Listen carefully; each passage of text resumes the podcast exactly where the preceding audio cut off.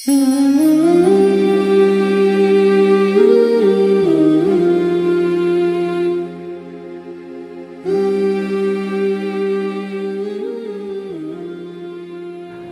keempat, yang menjadi sebab ah, amar apa perzinahan itu apa?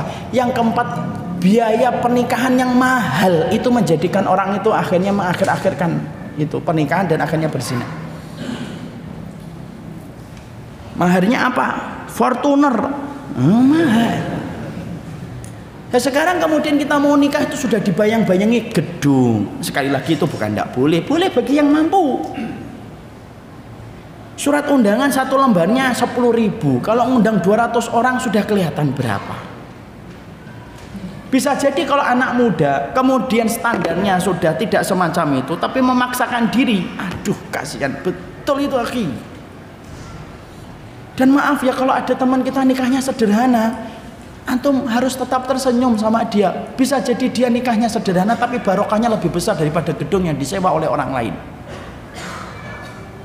Sekarang biaya gedung 50 juta. Cateringnya 100 juta. Biaya undangannya 20 juta. Security-nya 3 juta. Mahal, semakin mahal. Akhirnya apa? Ya sudah zina aja. Kelamaan kok. Makanya kemudian salah satu fungsinya orang tua, ayah itu punya, ayah itu kenapa dia harus punya tabungan? untuk menjadikan anaknya selamat dari perzinahan. Maaf ya, ini bapak-bapak ini. Bapak nabung itu bukan menjadi tabungan di hari tua, tapi nabungnya saya. Ini teguran untuk saya. Tabungan saya, tabungannya bapak, itu salah satu fungsinya itu untuk menjaga keluarga kita dari api neraka. Makanya anak kita kalau sudah dilamar atau anak kita sudah melamar, kita yang mencukupinya ketika dia belum mendapatkan kecukupan. Kita yang nyukupin Nanti dia ngomong, Pak saya malu. Tidak usah malu. Malu itu kalau kamu zina itu kamu malu. Butuh berapa anak? Butuh 200 juta. Insya Allah. Bapak transfer 3 miliar. Padahal dia nggak ngerti Zimbabwe itu 3 miliar hanya bisa untuk beli telur karena inflasinya tinggi. Maka kemudian gitu Makanya saya sering sampaikan kan ada kisah teman saya, ada kisah teman saya itu dulu nikahnya jauh sebelum saya. Ketika awal-awal itu dia sudah nikah itu loh, sudah nikah kapan antum nikahnya umur 18 atau 19 tahun. Anak tanya, "Loh, saat itu gimana?" Lah bapak saya nanya, "Nak sini nak, bapaknya itu mudir sebuah, mudir itu kepala sekolah. Gimana nak? Sudah ba'ah atau belum? Sudah bi. Tahu ba'ah ya? Ba'ah itu kemampuan biologis sudah ba'ah belum? Sudah bi. Puasa? Udah tidak mempan bi. Ya memang gitu, kisahnya gitu saya nggak tahu. Ya sudah nikah ya? Ya terus gimana? Sudah. Kalau nikah itu nanti Abi yang cukupin. Kan saya belum kerja Abi. Abi yang cukupin. Abi cukup banyak. Duitnya cukup untuk membiayai kamu. Nanti kamu aku biayai sambil kamu sekolah. Nanti kalau kamu sudah dapat kecukupan ngomong sama Abi baru Abi stop. Nikah. Akhirnya nikah dengan salah satu santriwati. Nikah. Pernikahan mereka dibiayai sama orang tua. Dan orang tuanya tidak pernah berhenti berkata ndak usah malu dibiayai sama bapak kamu lebih malu lagi kalau kemudian kamu zina sama seorang perempuan. Gandeng perempuan ke mana-mana kemudian akhirnya kamu zina. Sampai akhirnya beliau di apa mendapatkan beasiswa sama-sama dengan kita.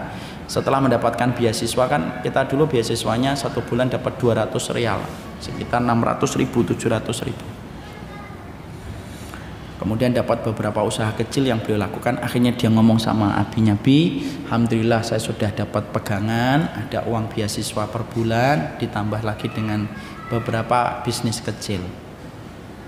Sudah ya bi nggak usah di store lagi uangnya. Yakin nak? Yakin bi. Jazakallah khair sudah menjaga saya.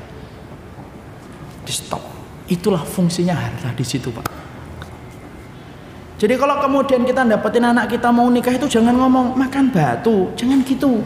Itu omongan dari waktu saya SD kok nggak pernah berkembang omongan itu. Bok cari-cari bok diganti makan cilok gitu kan enak. Oh, ngomong kok sama anak kok makan batu itu berarti bapaknya nggak ngajarin bahwasanya anaknya itu punya Allah.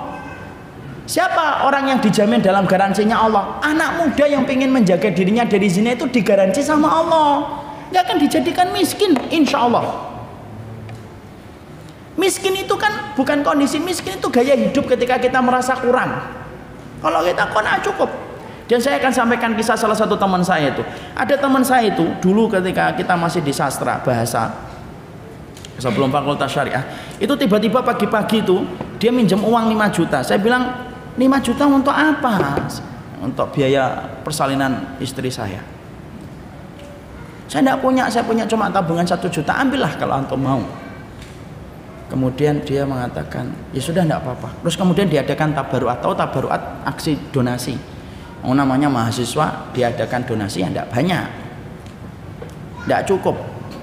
Lo tiba-tiba beliau itu handphonenya itu berdering. Dia punya handphone, handphone Nokia yang dulu gede itu loh yang yang segini itu. Tahu kan? Yang kalau kena kepala anjing muter-muter aja telepon itu. Ini bapak ini ya? Iya. Dari Kalimantan Banjarmasin pak? Iya. Bapak jualan sarung? Enggak pak. Bapak jualan sarung? Enggak pak. Bapak katanya jualan sarung? Enggak pak.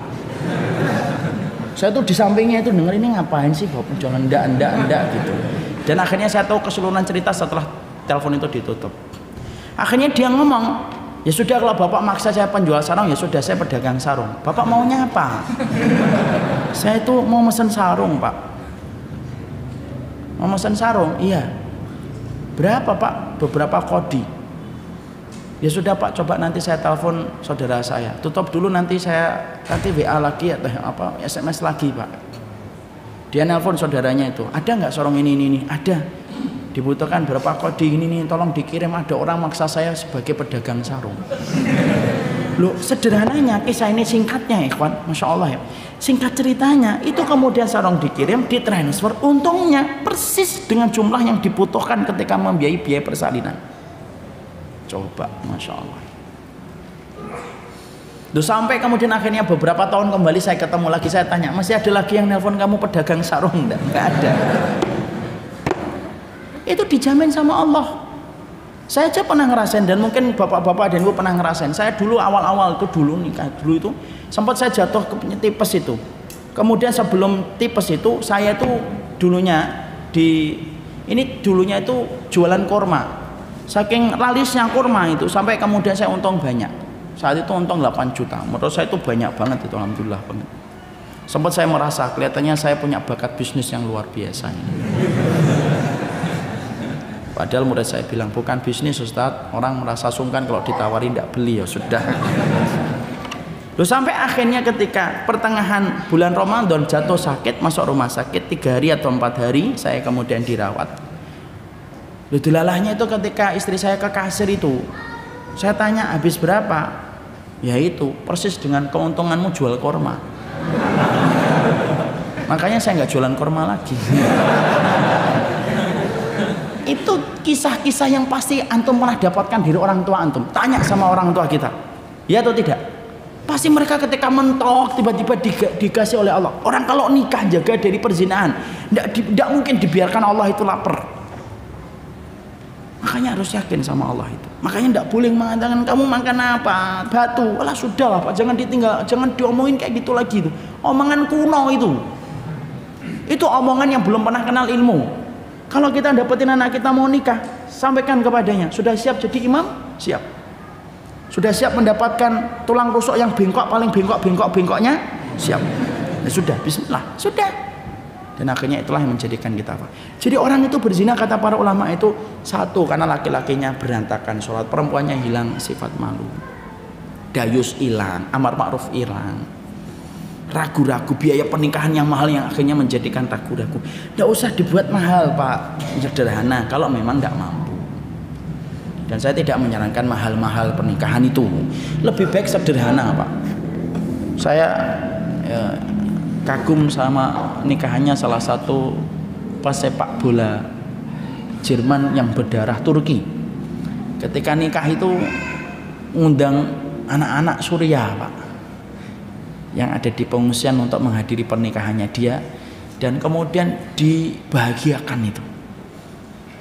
Itu pemain bola Jerman yang berdarah Turki. Itu salah satu hal yang bagus banget. Nikah itu yang penting adalah ijab kabulnya. Keberkahannya itu mengiringi ketika kita taat kepada Allah